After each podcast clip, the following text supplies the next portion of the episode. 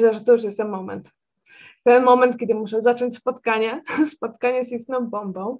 E, Sabina Baraniewicz, a tak naprawdę doktor Sabina Baraniewicz-Pytasińska jest dzisiaj moją gościną. Witaj Sabino.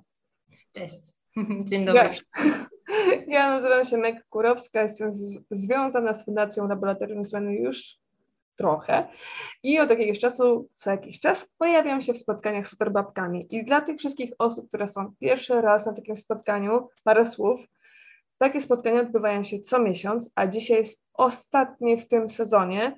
E, Sabina właśnie kończy czwarty sezon. Wyobraźcie sobie wszyscy czwarty sezon spotkań z superbabkami. To ogromny dla mnie zaszczyt, że właśnie taka istna bomba dla mnie e, właśnie wieńczy długie, długie miesiące pięknych spotkań z różnymi kobietami z Opolszczyzny, z Opola, czasem spoza regionu, podróżniczki, naukowczynie, artystki, matki, żony, nie wiem czy kochanki, wszystko co sobie zapragną, te wspaniałe kobiety, które dzieliły się wspaniałymi historiami i dzisiaj do ich grona dołącza dr Sabina Baraniewicz-Kotasińska. Witaj Sabina jeszcze raz. Cześć, dzień dobry wszystkim.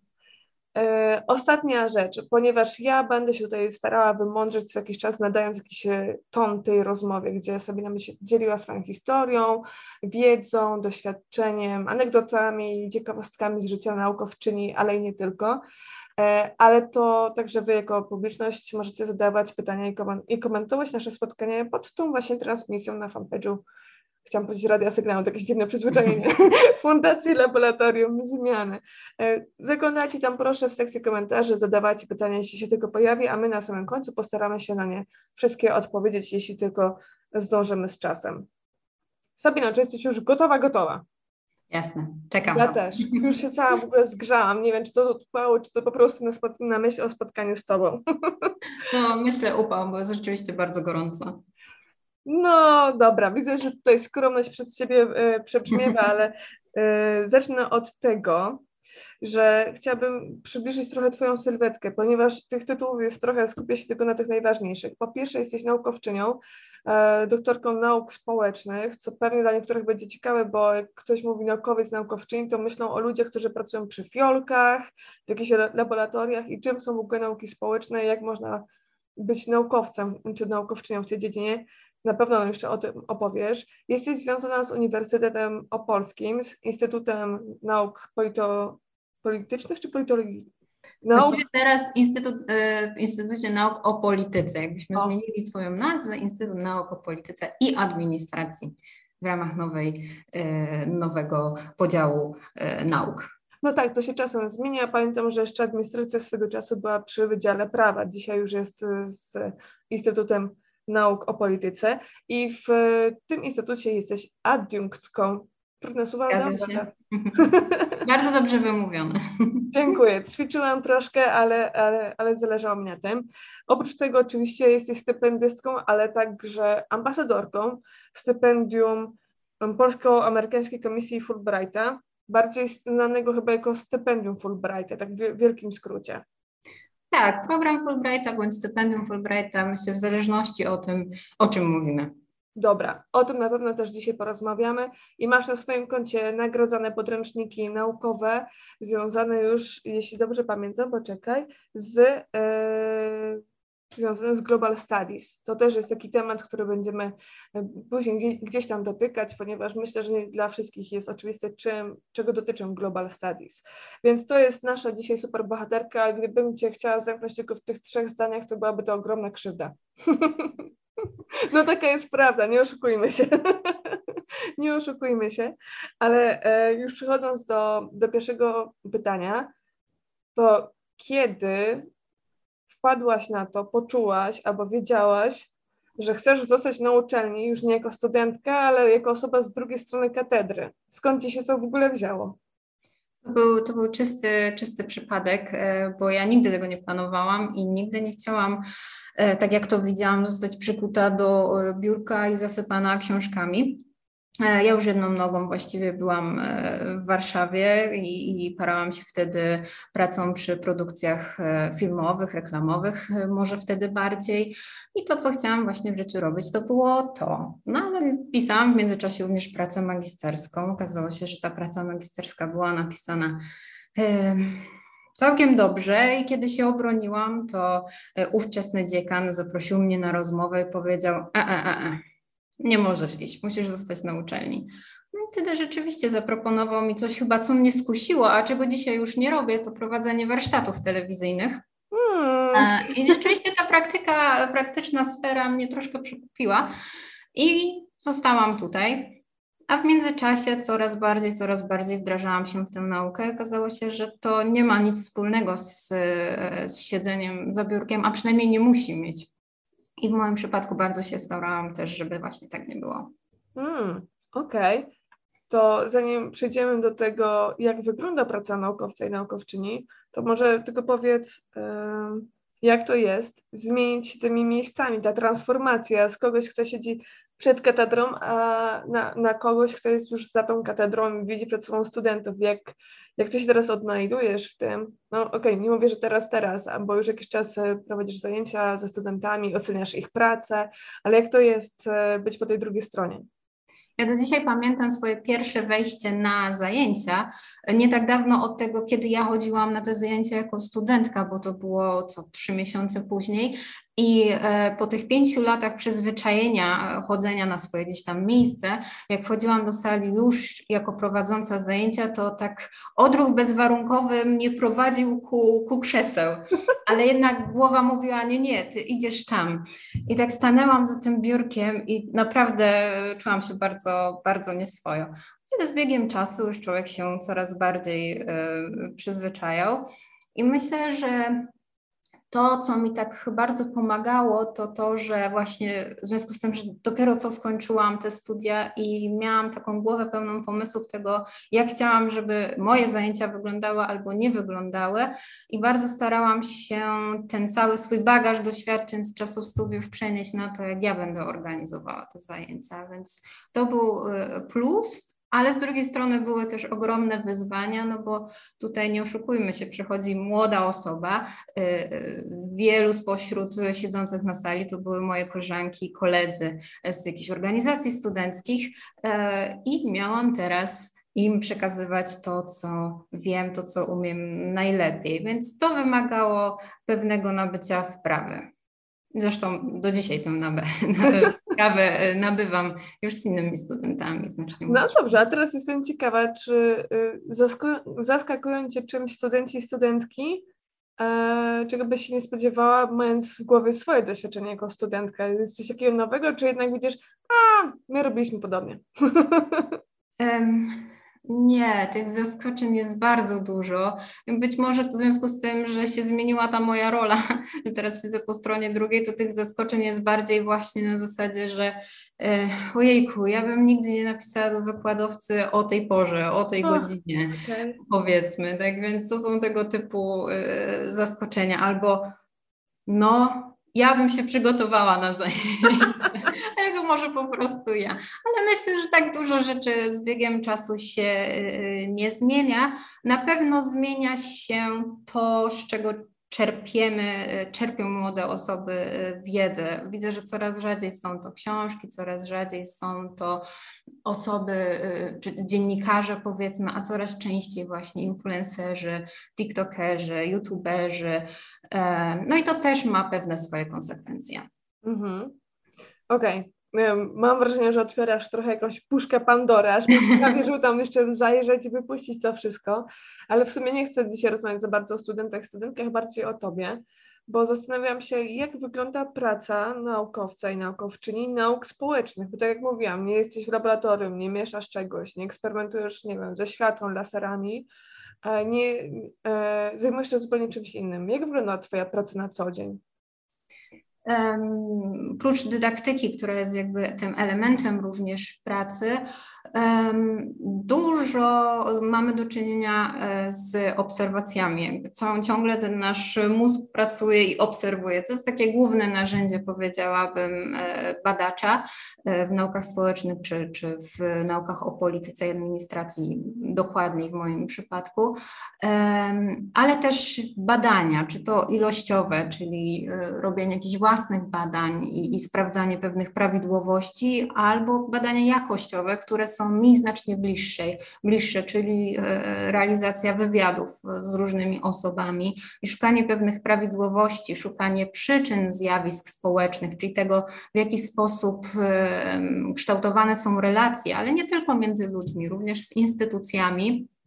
I e, co my możemy robić, żeby te relacje, sposoby zarządzania i tym podobnym polepszać? Także e, jest tu dużo takiego myślenia, głowienia się, no i przede wszystkim również pisania, bo potem to trzeba przelać na papier i dzielić się wiedzą i szukania takich po prostu sposobów jak najlepszych e, rozwiązywania różnych problemów. Mhm. Kiedy ma się taką analityczną pracę, to jak sobie radzisz z nadmiarem myśli i tego właśnie, że nie wiem, zajmujesz się teraz swoją rodziną albo przyjaciółmi, albo swoją, swoją pasją, która nie jest związana z nauką. Zakładam, że jakoś taką masz. A, a z tyłu głowy gdzieś cały czas analizujesz badanie. Jak sobie radzisz z tym właśnie, że okej, okay, hola Sabina, no, muszę coś innego zrobić, jakby zastanowić się nad czymś innym. To jest, to jest rzeczywiście bardzo trudne, bo nie da się wyłączyć e, mózgu i skupić na czymś innym, na przykład na, na obiedzie. Po prostu te myśli e, przychodzą bo, bo, bo żyjemy cały czas, a tak jak żyjemy, tworzą się różne procesy społeczne i nie tylko. I ten nasz mózg analizuje non-stop pewne prawidłowości, zależności, zastanawiamy się dlaczego, jak, po co, na co. No i trzeba mieć tę chwilę dla siebie, żeby wyrzucić te myśli, uporządkować, ustrukturyzować, czyli siąść po prostu z notesem, przelać na papier pewne, pewne myśli, albo porozmawiać z kimś, kto też być może interesuje się tą tematyką, wymienić się spostrzeżeniami i wtedy można na chwilę odsapnąć i zająć się e, e, czymś innym. No również dobra książka, mm, chociaż ja rzeczywiście czytam dużo w takich, takich tematach e, społecznych, o technologiach i tym podobnym, więc to wciąż generuje kolejne myśli, te paragrafy, akapity się czyta bardzo długo, bo znowu myśli się nad każdym akapitem, co tam jest w nawiasie. Seriale poz pozwalają się wyłączyć. Myślę, że to jest coś, co rzeczywiście e, zajmuje głowę. głowę. Dobry serial i, i pozwala tak. na chwilę się wyłączyć. No, w moim przypadku to działa. Okej, okay. a ostatnia książka, która jakoś właśnie pozwoliła Ci się oderwać od takich myśli, to co to było i coś, co polecasz? Czy pozwoliła mi się oderwać od myśli? Chyba raczej napędziła nowe. Ostatnio czytałam książkę e, Koniec, koniec, koniec lodu. Coś podobnego w każdym razie o zmianach klimatu, tego w jaki sposób e, mm, nasze działania wpływają na to, co się dzieje z lodowcami, a tak naprawdę potem te, co, co, co lodowce, ich topnienie może zmiany w, różnym, w różnych obszarach funkcjonowania y, zmienić. Tak więc to jest rzeczywiście coś, co czytałam. Y, no jest to dość skomplikowane, ale y, rzeczywiście temat, który jest mi coraz bliższy, o zmianach klimatu mówi się coraz więcej, a nie mamy pojęcia o tym, jak, jak niekorzystnie te zmiany będą wpływać na różne obszary naszego życia. Czy ta książka jest pokłosiem Twojej wizyty na Spitsbergenie, czy jakbyś, jakimś wstępem do tej wyprawy? Zaczynam trochę ten temat, bo chciałam też pokazać, jak może wyglądać praca naukowca, naukowczyni, gdy nie jest przy biurku, gdy nie jest przy książce, gdy robi się swoje badania albo podejrzewam obserwacje. I jak, jak trafiłaś do Korei, do Danii, do Jordanii, do USA i właśnie na Spitsbergen? E, każda historia chyba jest taką dość ciekawą e, historią, jak tam trafiłam, ale jak już jesteśmy w temacie e, może Arktyki, to zacznijmy od tego. To było w ramach projektu, który realizujemy z Fundacją Human Dog przy współpracy również z dwoma innymi polskimi uniwersytetami, warszawskim, wrocławskim i my z Uniwersytetu Opolskiego. Tworzymy nowy podręcznik na temat zrównoważonego rozwoju i zastanawiamy się na temat tego, jak my dzisiaj możemy uczyć o zrównoważonym rozwoju y, studentów. Nie jest to łatwy temat i bardzo często te nasze y, wzory tego, tego, jak traktujemy środowisko, jak nim współdziałamy, czy jesteśmy eko, czy nie, są pokłosiem tego, co dzieje się w naszym domu, ale też ile wynieśliśmy ze szkoły. Tak więc my jesteśmy jakby następnym etapem, gdzie o ile możemy uczyć pewnej teorii, to na praktykę wpływ ma wiele wcześniejszych procesów. Więc w tym podręczniku chcemy jakby te kwestie poruszyć i zastanawiamy się, jak o tym uczyć. Ale jakby my możemy uczyć, ucząc się sami z książek bądź e, badając głębiej materiał, nic tak nie pozwala nauczać jak doświadczenie czegoś e, samemu i stąd wyjazd między innymi na Arktykę, na Spitsbergen, czyli tam bardzo wysoko na północ, na biegunie pod biegunem północnym, chcieliśmy zobaczyć, jak te zmiany klimatu wpływają na rozwój, rozwój tamtego e, regionu.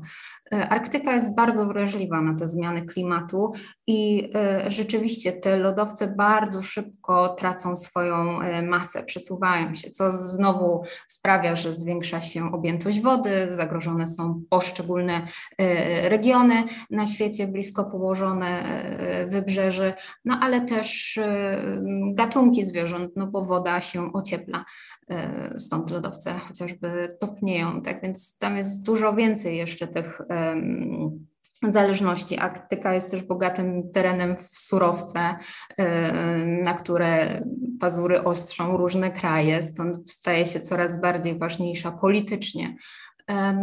I dopiero jadąc tam, doświadczając tego, co tam się dzieje, widząc na pewno na własne oczy, tak myślę, bardziej wiarygodnie możemy mówić o tym, w jaki sposób y, nasz świat dzisiaj się zmienia.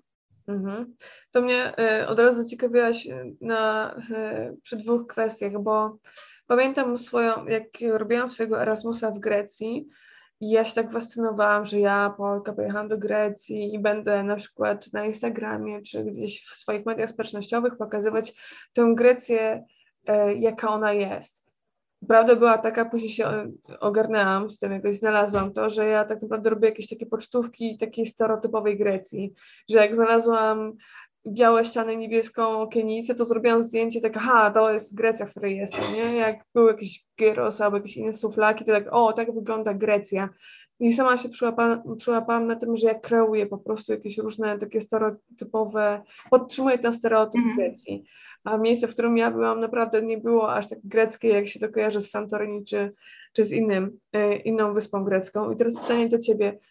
Obserwowałaś będąc tam na Arktyce, różne rzeczy i myślisz, że obserwowałaś jakby naprawdę taki duży obrazek, czy obserwowałaś jakąś taką rzecz, która cię otwierdziła w tym, że tak, trzeba robić takie rzeczy, albo trzeba unikać takich rzeczy, czy jednak miałaś jakieś inne podejście do tego, na tą Arktykę? Moje przemyślenia z Arktyki chyba już na koniec takiego, tego wyjazdu były um, dość przybijające, bo ja chyba tam zrozumiałam, że um, tych zmian nie da się zatrzymać, że mm, tak naprawdę nie wiem, na ile będziemy mogli zatrzymać te zmiany y, klimatyczne, tego właśnie jak y, topnieją te lodowce i jak potężny ma to wpływ później na, na chociażby, y, no po prostu klimat. Nie chcę mówić temperaturę, bo to jest bardzo, w konsekwencji też, ale bardzo, bardzo duży skrót w procesach wszystkich, które tam będą. Arkty Spitsbergen obecnie jest, pod, y, jest to teren Norwegii i jeżeli nie wszyscy wiedzą, no to Norwegia jest takim wzorem tego zrównoważonego rozwoju. I może musimy tylko wytłumaczyć, czym jest ten zrównoważony tak, rozwój. to jest taki sposób um, organizacji, sposób zarządzania e, z myślą o kolejnych pokoleniach. Czyli chodzi o to, żeby równe szanse w zakresie rozwoju mieliśmy my pod względem tego, ilu mamy surowców i również nasze dzieci i kolejne pokolenia, żeby one nie cierpiały na tym, że na przykład dzisiaj zużywamy e, więcej węgla, oni będą mieli mniej węgla. Mówmy na takim bardzo prostym, bardzo prostym e, przykładzie. E, Arktyka rozwija się coraz bardziej turystycznie. Um, obecnie y, głównym takim środkiem tam transportu zimą kiedy jest śnieg. Zresztą no mówmy, jest tam na tych regionach generalnie śnieg, ale w tych tak. jednej miejscowości, w której żeśmy byli, ten śnieg latem topnieje. Jest skuter śnieżny. Ten skuter śnieżny nie jest w ogóle ekologiczny. Jest ich tam mnóstwo, poruszają się nie tylko mieszkańcy, ale właśnie przyjezdni, chociażby z Norwegii, którzy organizują tam swoje wieczory panieńskie, kawalerskie i tym podobnym. Na pewno jest to świetne doświadczenie e, ale w ten sposób my Arktyki, tak ważnego regionu, bo to mówi się, że to jest taki klimatyzator e, świata, e, nie uratujemy absolutnie. Tak więc obecnie cały, cały ten region Spitsbergenu do tego dużo mówiąc, tam mamy do czynienia tak naprawdę z jedną miejscowością i jedną miejscowością, która zarządzana jest przez e, państwo rosyjskie, e, ocieplana jest z węgla, tak więc to jest jako takie źródło główne. Nawet jak są elektryczne samochody, no to co z tego, kiedy ten prąd pochodzi z węgla. Tak więc Arktyka nie jest zielona w sensie ekologicznym, a na pewno może być, że niedługo nie będzie też biała pod względem śniegu. Tak więc to były takie bardzo przykre, przykre obserwacje tego, w jaki sposób się zmienia, a jest to przepiękny, przepiękny region, na którym nigdy nie powinno być ludzi. To jednocześnie fascynujące i smutne, aż mam ciarki, bo zastanawiam się, co napiszesz teraz w podręczniku, e, który ma właśnie nauczać o tym, jak o tym rozmawiać, jak właśnie uczyć, rozwijać i co napiszesz w podręczniku. W sumie nie ma sensu, bo, bo, bo widzę to czarno. widzę to czarno. Podręcznik już jest napisany właściwie, tak więc mhm. możemy się spodziewać jego y, y, niedługie, niedługiego wydania.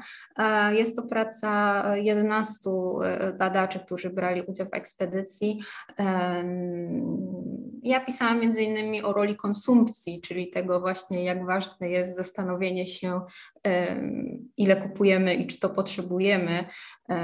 Tak więc no i podobne różne tematy. Nie chcę zdradzać za wiele, bo okay. to już niedługo, tak więc e, mam nadzieję, że będziemy później zachęcać do czytania go.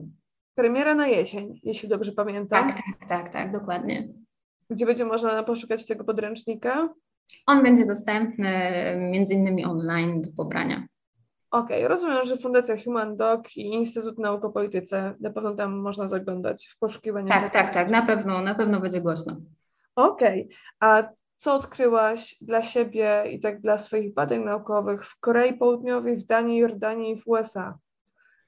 Jeżeli y, chodzi o Koreę, do Korei bardzo zależało mi na tym, żeby pojechać na badania, żeby je zrealizować ze swojego doktoratu, gdyż Korea wybudowała, w Korei wybudowano e, takie można powiedzieć pierwsze właściwie funkcjonujące miasto inteligentne od podstaw. Ono zostało ukończone w XXI mm, wieku i powstało właśnie zupełnie na, na podstawie koncepcji inteligentnego y, miasta. No i znów chciałabym tutaj nadmienić te inteligentne miasta, czym są.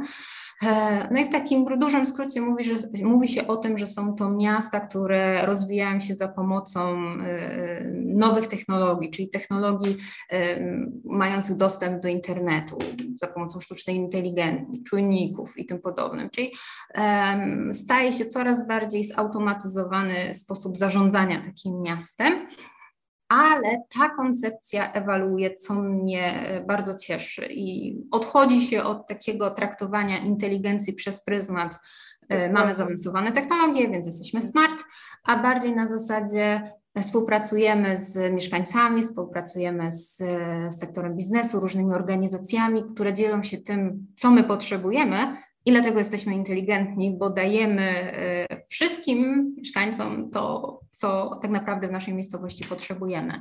Czyli Więc, o wiele szersza definicja. Tak, e, bardziej do mnie też ona przemawia.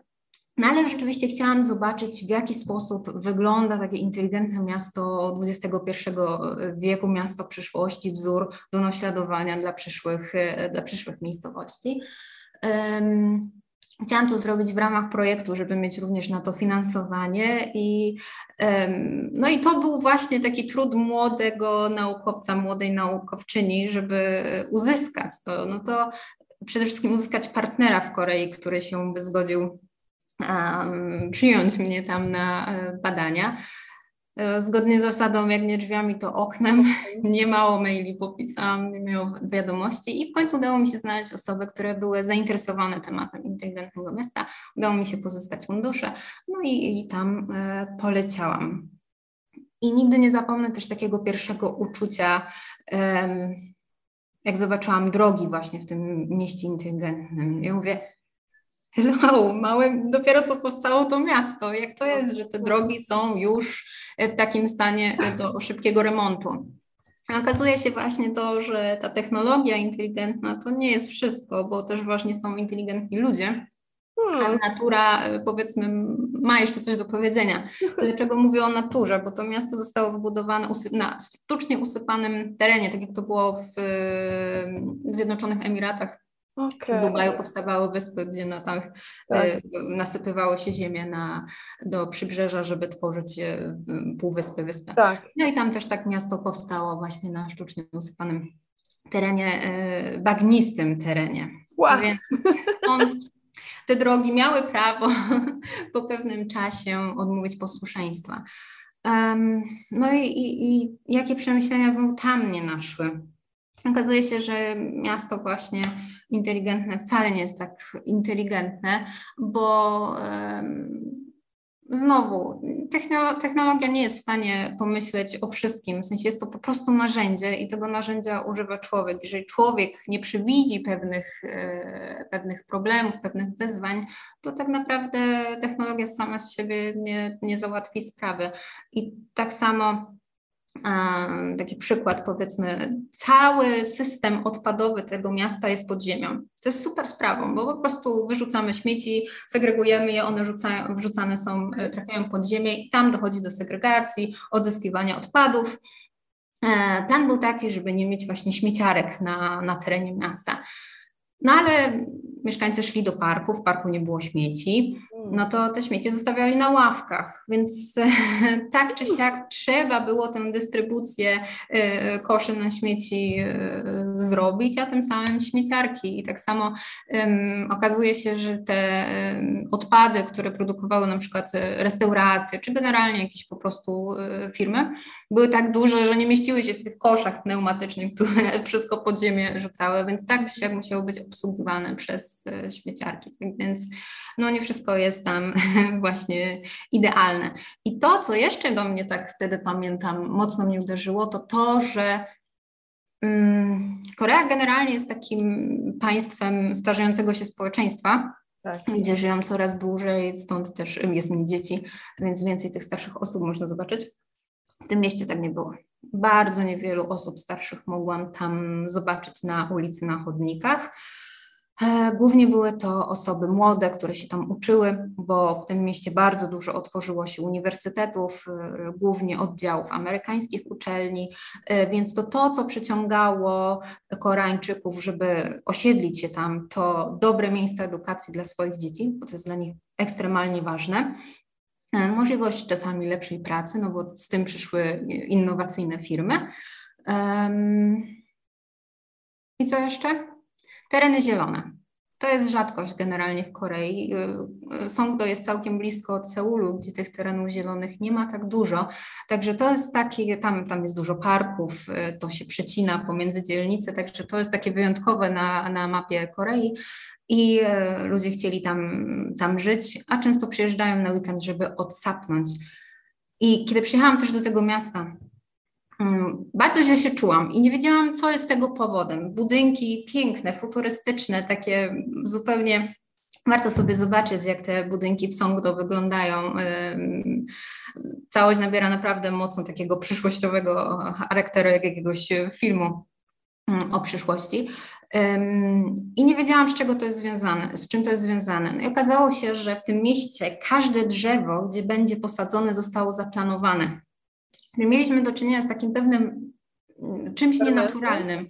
A z drugiej strony, kiedy mamy młode drzewa, one są też niskie, więc te budynki wydawały się jeszcze bardziej wyższe e, niż są w rzeczywistości i całość. E, ja się czułam tam bardzo mocno osaczona przez właśnie architekturę, przez budownictwo, mimo że było dużo tej zieleni, to to nie była taka zieleń jak, e, jak u nas. I kiedy ci profesorowie przyjechali do nas z, z rewizytą, poszliśmy na wyspę Bolko w Opolu, e, stali tak patrzyli, Wow. Jakie wysokie drzewa. I dla mnie to było, to było bardzo ciekawe doświadczenie. Miałaś wrażenie, że jesteś jak w tym filmie Truman Show, że wszystko jest taką trochę scenografią? W pewnym sensie tak, tak, rzeczywiście to był jakiś taki bardzo dziwny, coś, taki niepokój się po prostu czuło. To, to, to chyba organizm sam mówił, uważaj, coś tu nie jest, jest nie w porządku.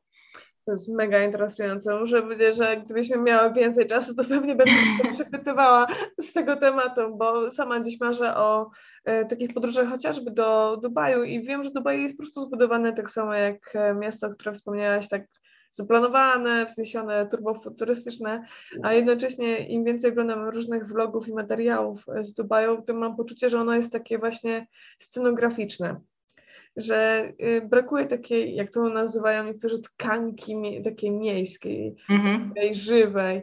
E, coś, co można na zaobserwować w Łodzi naszej, która po prostu żyje na, na tych swoich fundamentach postindustrialnych. No ale już troszkę zostawiając te miasta, a przenosząc się na, do Kalifornii, na uniwers Uniwersytet Berkeley, jak tam trawiłaś w ogóle? Jak to jest być w Kalifornii, uczyć się, obserwować, studiować? Jak?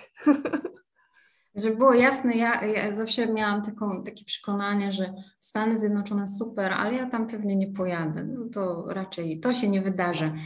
I e, znowu, kiedy e, pracowałam nad swoim doktoratem, dla mnie było bardzo ważne, żeby zdobyć te informacje o miastach, których będę bada, które będę badać, będąc tam.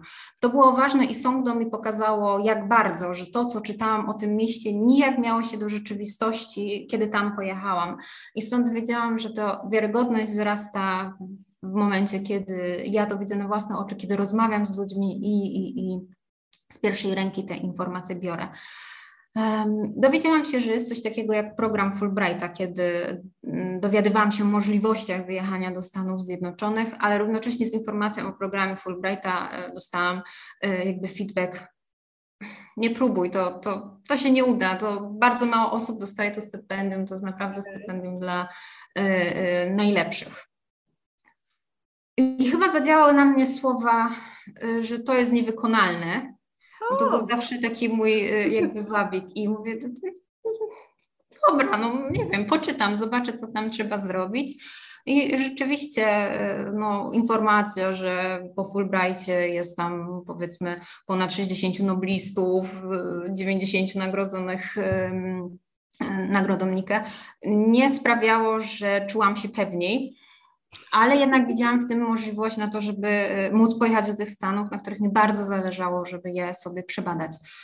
E, spróbowałam raz, nie udało mi się, e, stypendium nie, uzyska, nie, nie uzyskałam, ale wiedziałam, jak wygląda już ten proces, więc byłam do przodu o przynajmniej te kwestie takie, powiedzmy, techniczne, w jaki sposób to przygotować. I chciałam spróbować znów na przyszły rok, i dużo czasu temu poświęciłam. Naprawdę dużo czasu poświęciłam na to, żeby przygotować dobrze swój e, plan badawczy, e, żeby przygotować e, list motywacyjny. I to jest też rzecz taka ciekawa, bo to nie wygląda tak, jak u nas się pisze list motywacyjny. Urodziłam się wtedy i wtedy, mieszkam już tyle lat tu i tu.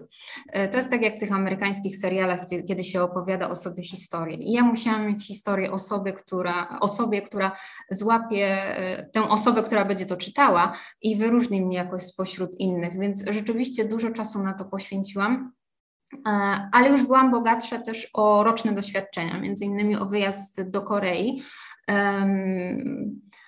I pracując rzeczywiście tak bardzo mocno nad tą swoją aplikacją, Zostałam zaproszona do drugiego etapu, czy już wiedziałam, że ta moja praca została pozytywnie oceniona przez zagranicznych recenzentów.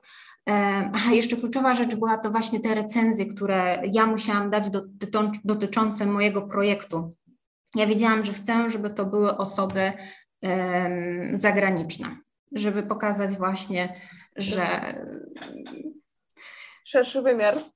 Tak, dokładnie. I wtedy jedna recenzja to była właśnie ta osoba z Korei, z którą współpracowałam, profesor z Korei, a znowu druga osoba, po prostu napisałam, szukałam w Stanach Zjednoczonych osoby, która zainteresuje się moim projektem i w pewnym momencie napisałam do y, doktora, który napisał książkę o Smart City.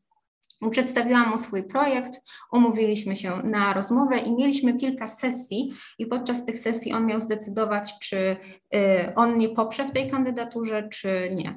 No i taką y, rekomendację od niego uzyskałam. No i właśnie ta moja aplikacja potem przyszła do kolejnego etapu, później już tylko była rozmowa z całą komisją, więc rzeczywiście bardzo stresujący y, moment. No i i wynik przyszedł pozytywny, więc rzeczywiście przeszłam tę drogę.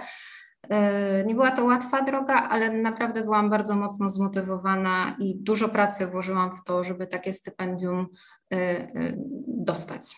Mm, to na pewno, gdy słucham Twojej historii, to sobie myślę, że to nie była prosta sprawa. Naprawdę, raz po pierwsze ranga tego przedsięwzięcia, dwa rozmach przedsięwzięcia, ile osób musiało być w nich, w to przedsięwzięcie zaangażowanych, żebyś mogła E, faktycznie spróbować swoich sił i, i zawalczyć, e, że tak powiem, o swoje. Teraz zastanawiam się, gdybyś miała zrobić coś drugi raz w kontekście tego stypendium, co byś zrobiła inaczej, albo czy byś w ogóle coś zmieniała? To jest to, jest to pierwsze pytanie walczyłabym o 9 miesięcy stypendium, nie o 6, to na pewno co bym e, e, zmieniła. E, zastanawiam się, czy bym pojechała raz jeszcze w to samo miejsce na Uniwersytet Berkeley, ale chyba tylko dlatego, że już tam byłam. Więc stąd mogę się zastanowić raz jeszcze. Chciałam pojechać rzeczywiście na do Kalifornii, do miejsca, gdzie te inteligentne miasta powstają, gdzie powstaje technologia, czyli być w takim centrum tego. I e, wybierałam, czy znaczy wybierałam. Tak naprawdę ja miałam do wyboru, wybrałam sobie listę, zrobiłam sobie listę najlepszych uczelni topowych i mhm. najgorszych uczelni. Mówię, no, taka na 737 chyba miejscu w rankingu tych uczelni jest w Stanach Zjednoczonych i ta najgorsza była na Florydzie, co mówię, też jest fajne. E, I miałam to pierwsze, miałam Stanford i Berkeley. I e, Berkeley jest najlepszą prywatną, e, publiczną uczelnią, a Stanford najlepszą prywatną.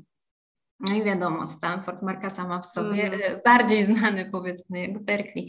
Ale kiedy rozmawiałam właśnie z tym profesorem ze Stanów Zjednoczonych, mówi, że uczy na dwóch, czy uczył na dwóch, bo już jest emerytem, um, ale Stanford to grupa specyficzna, prywatna uczelnia. Ta, znaczy Ivy League jest akurat na y, wschodzie okay. E, Stanów Zjednoczonych. E, ale no tam studiują bardzo często bogaci ludzie, więc bałam się tego, w jaki sposób ja się tam wpiszę. Stąd stwierdziłam, że spróbuję z e, Berkeley. I chyba nie sądziłam z tym pierwszym mailem, który wyślę, w którym się przedstawię, że napiszą zapraszamy. Welcome. To było takie, ło, już? I to jest to, jak, jakie drzwi otwiera Fulbright, to, to jakby to, to stypendium Fulbrighta. E, kiedy się przedstawiłam, że je mam, to bez problemu mnie e, tam przyjęli. I Ameryka sama w sobie jest specyficzna, bo jest to taki bardzo duży naród e, indywidualistyczny.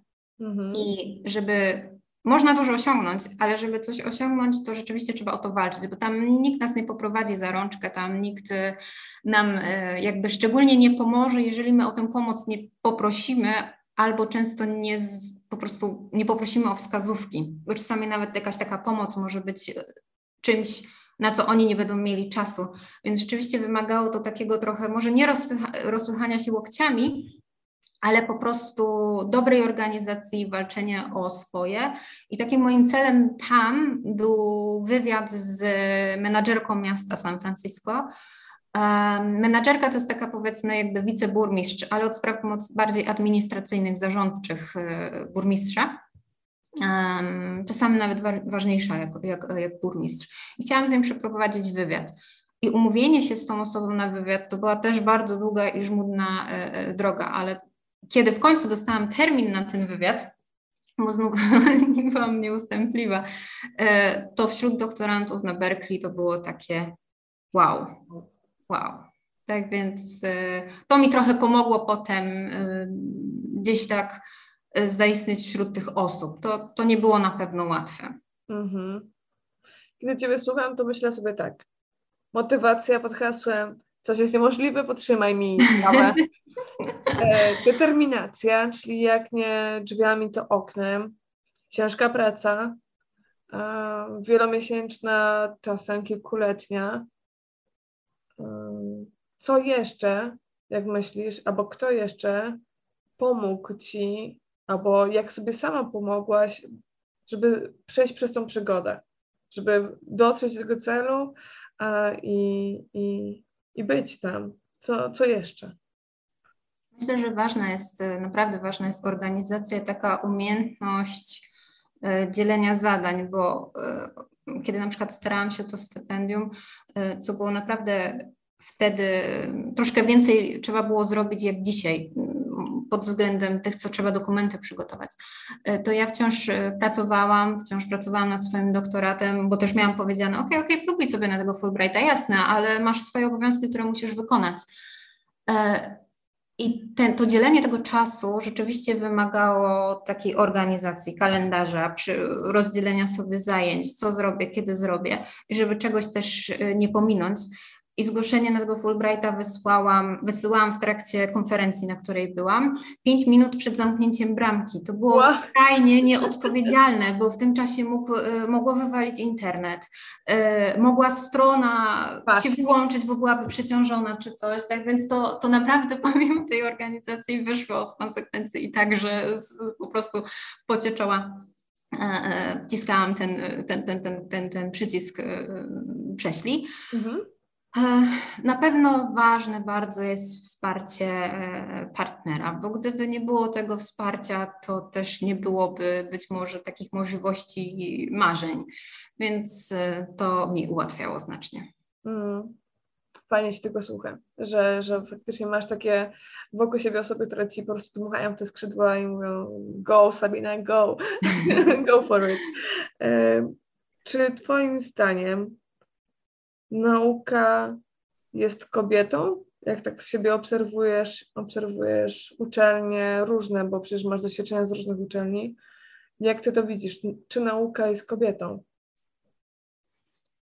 E, jeśli miałabym stwierdzić, czy jest tam więcej kobiet czy mężczyzn, bardzo ciężkie e, pytanie, ale chyba widzę więcej mężczyzn. Nauka na pewno nie jest łatwa dla kobiety. Chociaż e, może być pomocna w tym sensie, że to nie jest praca w jakichś tam ustrukturyzowanych godzinach, tylko co może też być utrudnieniem, bo w konsekwencji bardzo często pracujemy więcej niż, niż powinniśmy, bo po prostu to nas pożera, pożera nas w pasji, pożerają nas pytania, chcemy znaleźć odpowiedzi i w konsekwencji pracujemy e, więcej. I na pewno nauka nie jest kobietą. Y, wspominałaś o Dubaju.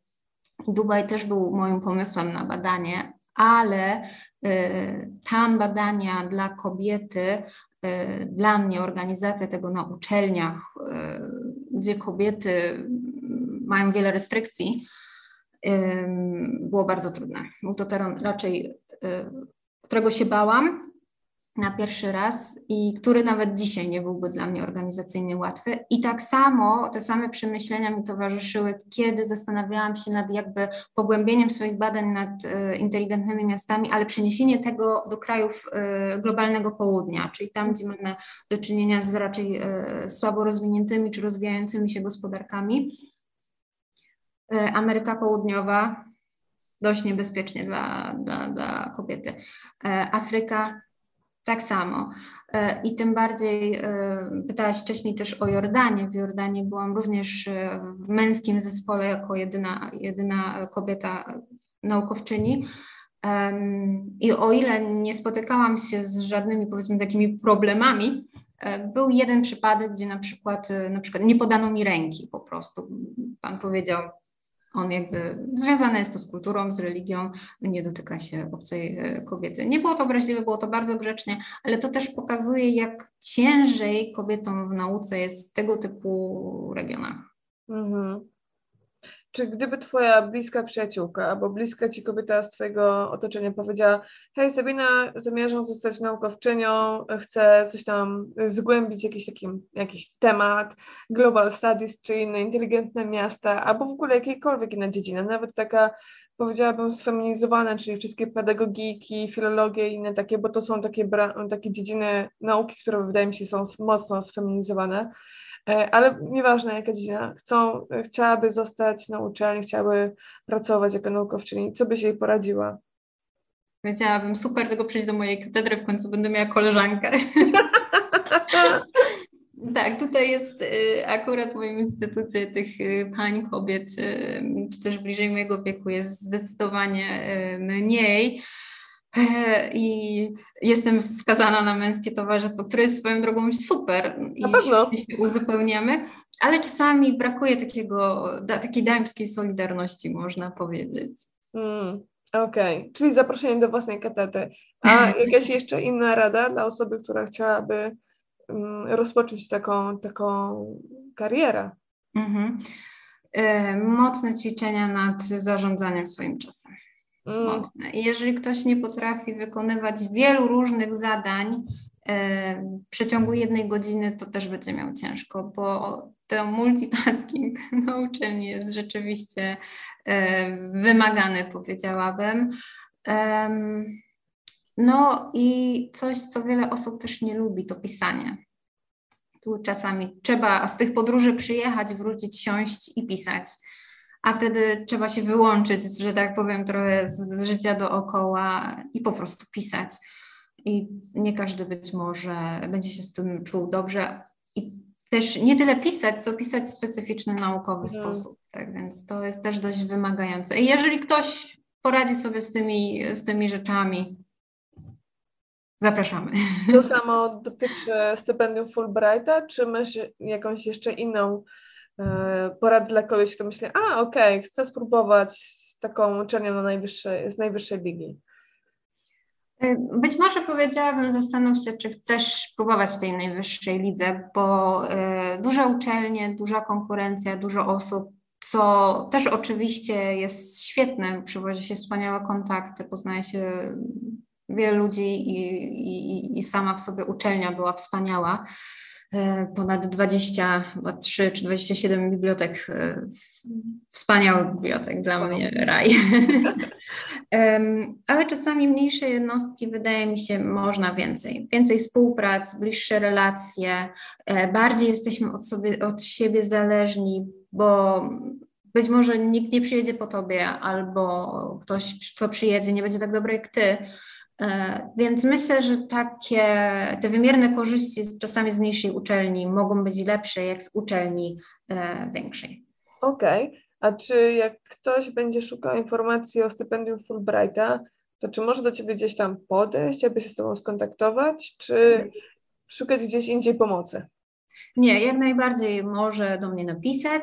Na stronie Fulbrighta są kontakty do ambasadorów jeżeli jest z regionu Opola bądź Nysy, czy szerzej województwa polskiego, to może wybrać mnie, ale nie musi, bo też pisały do mnie osoby na przykład z Warszawy, które mają powiedzmy swojego ambasadora czy ambasadorkę, ale bliżej tematycznie było ich do tego, czego, co ja badam i pisały do mnie z prośbą o pomoc y, przy tworzeniu aplikacji czy z pytaniami. Tak więc y, tutaj ja się nie zamykam na nikogo, ale nie powiem, że bliższe są mi po prostu te regiony mniejsze, y, gdzie bardzo często to nasze takie postrzeganie siebie w porównaniu do większych jednostek uczelni po prostu sami siebie chyba ograniczamy, więc chyba najbardziej chciałabym trafiać do takich osób, które czasami potrzebują takiego trygera, żeby hmm. z czymś ruszyć do przodu, uwierzyć w siebie. Mm-hmm.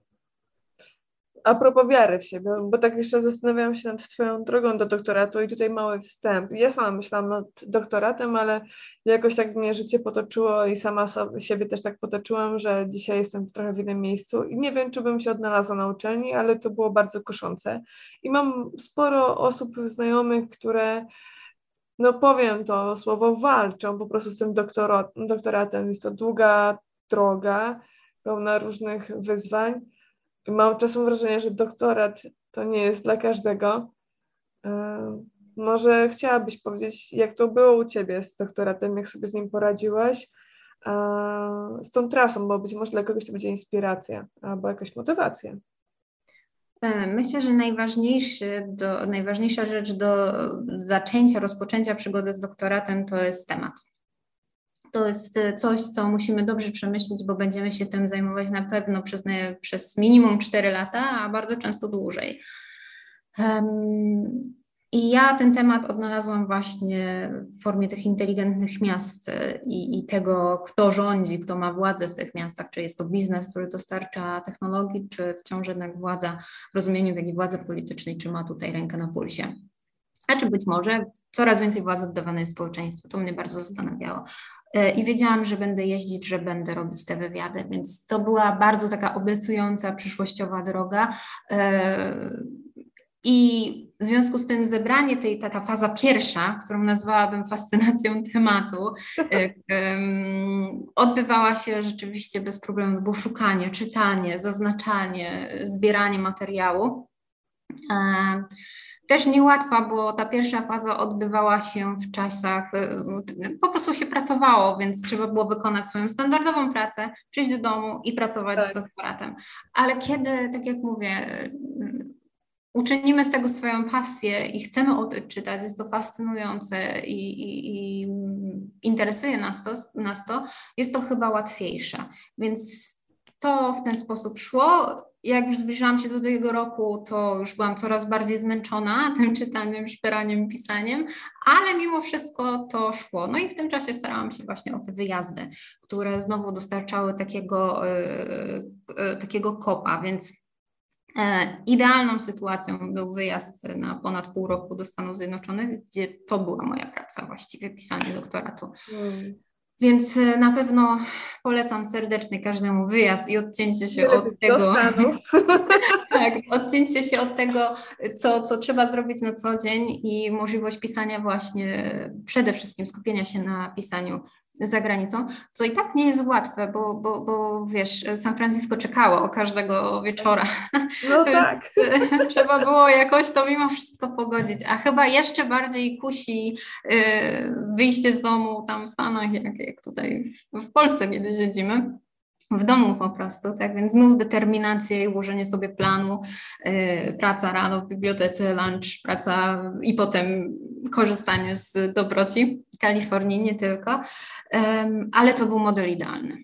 Mhm. Potem stworzyła się taka grupka naszych osób, która regularnie chodziła do biblioteki, część szła do laboratorium, bo również się zaprzyjaźniliśmy z osobami właśnie z nauk ścisłych yy, i bardzo mi ich było szkoda. Naprawdę, bo był piękny dzień. Kalifornia generalnie ma e, piękną pogodę. My szliśmy do biblioteki w przerwie e, na kawę, potem właśnie na ten lunch, a oni często te, te parę godzin e, w ciemnicy, w laboratorium, w sztucznym oświetleniu i tak, o, to, to dzisiaj się szybciej zrobiło ciemno, nawet nie wiedzieliśmy. Tak więc e, było rzeczywiście nam ich szkoda. Tak więc to był model idealny, na który no może nie każdy sobie będzie mógł rzeczywiście pozwolić, ale może chociaż jakiś taki mały, mała chatka w górach i zamknięcie się też myślę będzie dobrym. A potem chyba pojawiła się największa górka, taki trzeci etap powiedzmy pisania mojej, mojej pracy, e, doktoratu.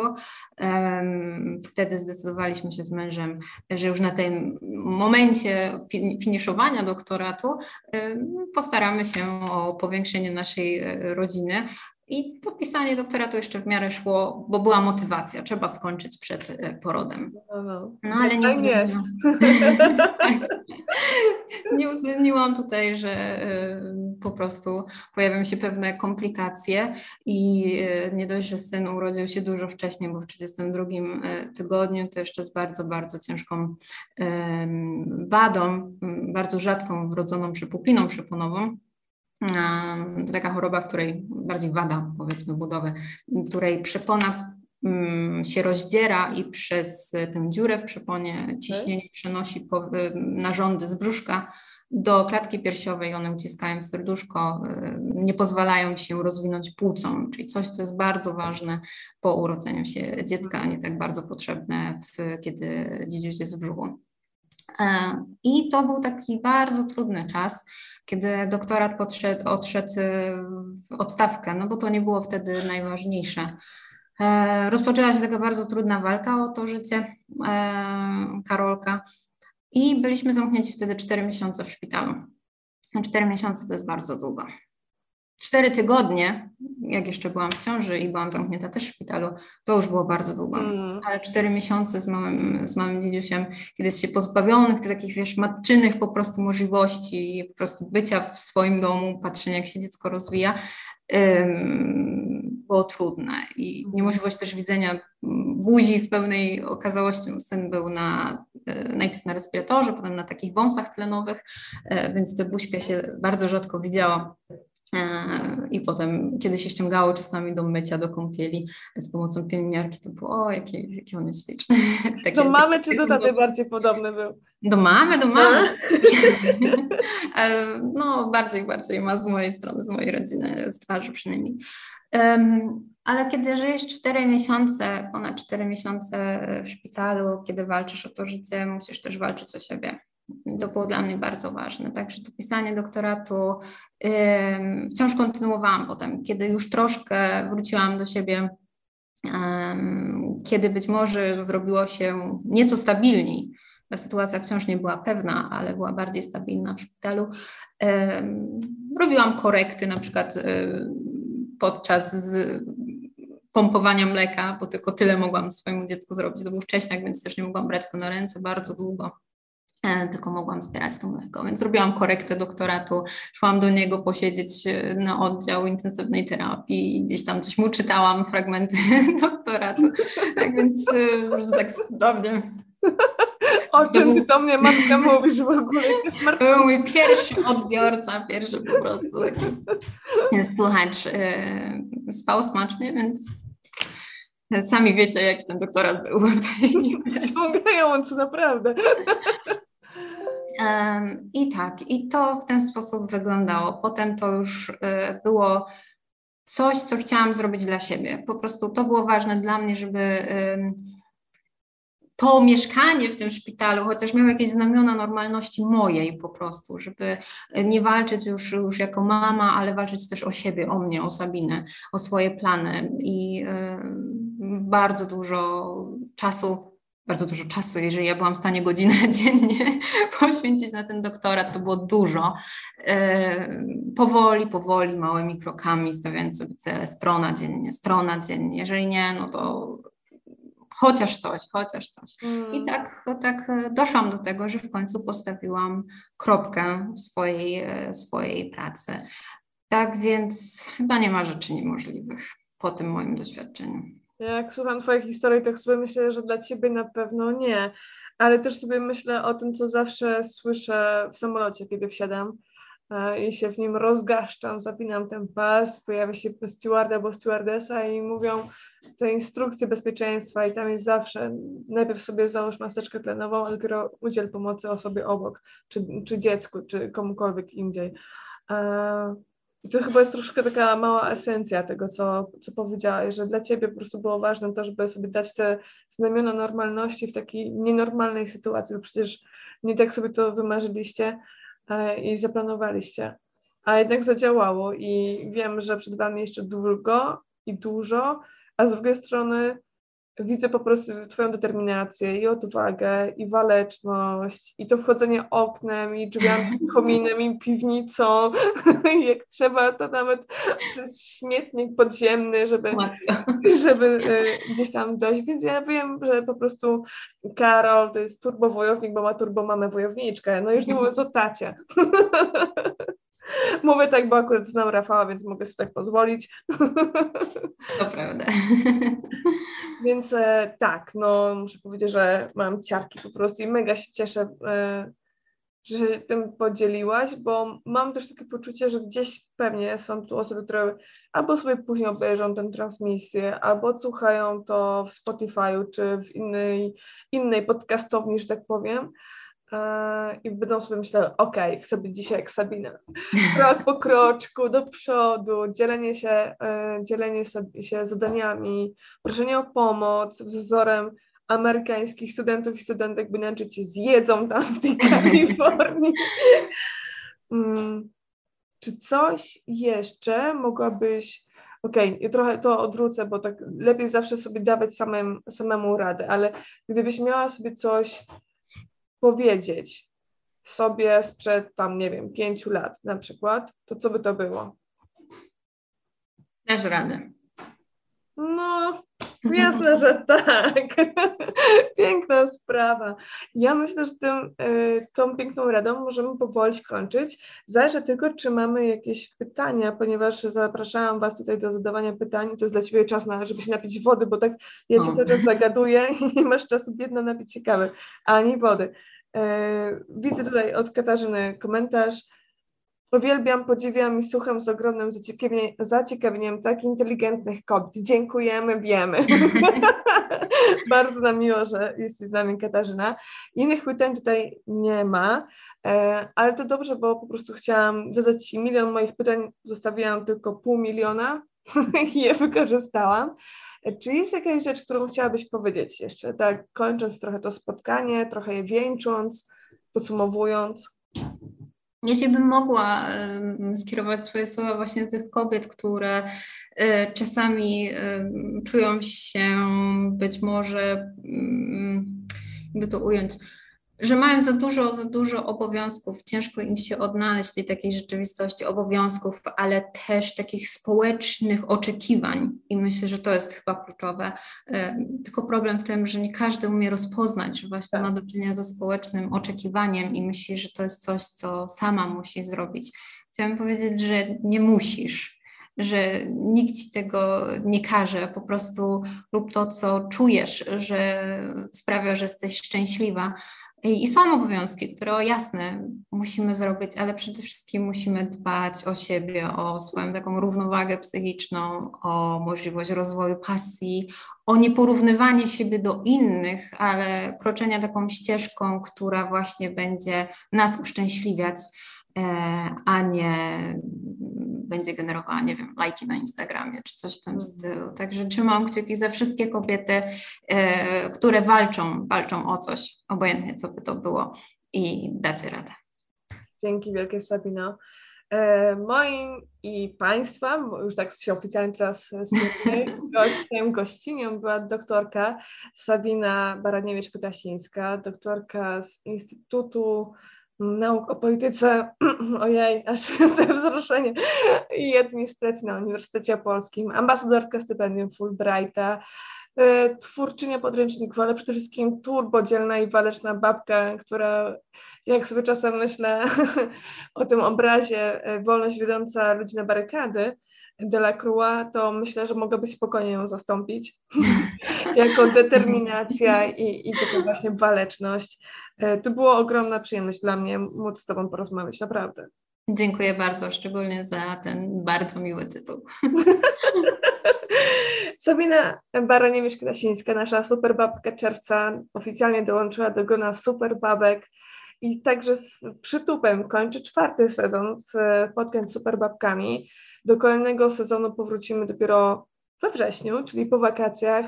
My wszystkie zbieramy siły, e, odpoczywamy, zbieramy należne nam laury, nie wiem, jakieś ekstra nagrody za to, że jesteśmy takie super. E, nagrody w postaci na przykład urlopu, bo wiem, że niebawem e, piękny urlop się szykuje. Trzymam kciuki, żeby wyszło jak, jak powinno być. Dziękuję bardzo. Da się.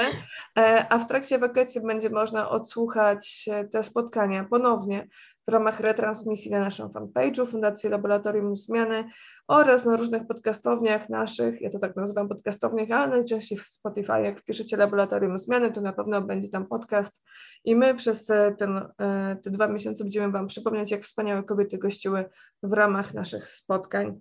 I co? I to chyba już czas, żeby się pożegnać. Już tak Koniec, koniec. Widzę, że mi się tutaj drzwi uchylają. To znak, że czas już kończyć i przewietrzyć, bo jest tutaj turbo gorąco. Jeszcze raz dziękuję Ci za rozmowę. Do zobaczenia, do usłyszenia. Widzimy się we wrześniu. E, no, ja kończę live'a, no.